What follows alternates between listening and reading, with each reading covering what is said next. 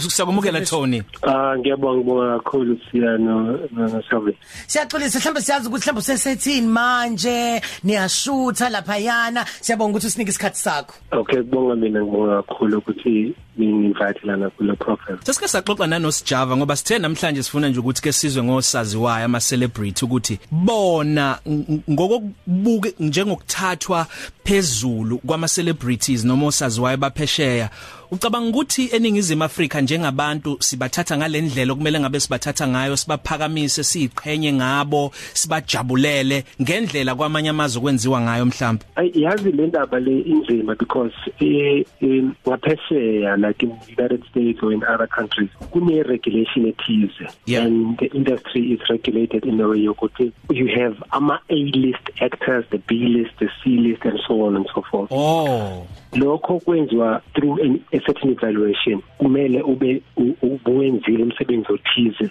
ukuthi ufike ku- at that level. Kuleyo level he.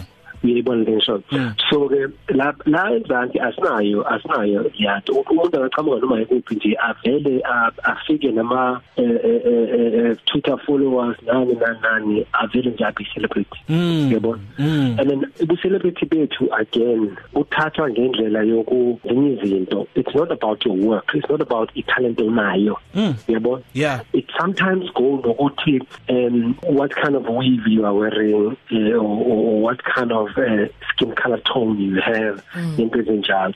Lokho kuyalimaza kulimaza nini industry yethu ngoba mawungabheka kakhulu the young upcoming abanayo indlela yokuthi ba penetrate the industry.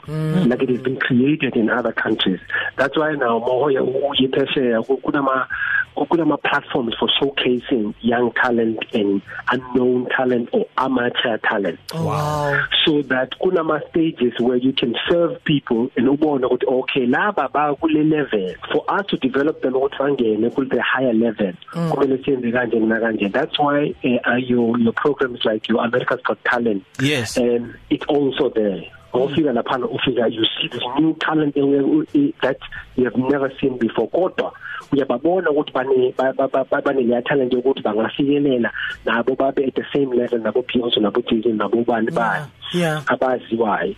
So lapha eSouth Africa we don't have that. Into yethu is more about glamour. Wow it, it, it, it's packed with certain things like your glamorous things kulobe nemoto ethize ugqoke kanjena uhambe nabo bani bani ubone kuphi into ezinjalo. It's got nothing to do with talent. Wow siyabonga kakhulu Tony. Ngicabanga ukuthi lapha eCultural Creative in the Industry Federation of South Africa ezinye zezinto enifundisa ngazo lezo. Ikhona iwebsite umuntu umefuna ukuyobheka nje athi ukufundiseka kabanzi yebo ikhona iwebsite yethu but is uh, www.sixa.org.za sibonge kakhulu ukuxoxa nawe. Ikhona nento ngibonga kubonga mina nkosi bye tony. Thank you bye bye. 12 kuya ku 3 noSiyano so Beyonce ku Khosi FM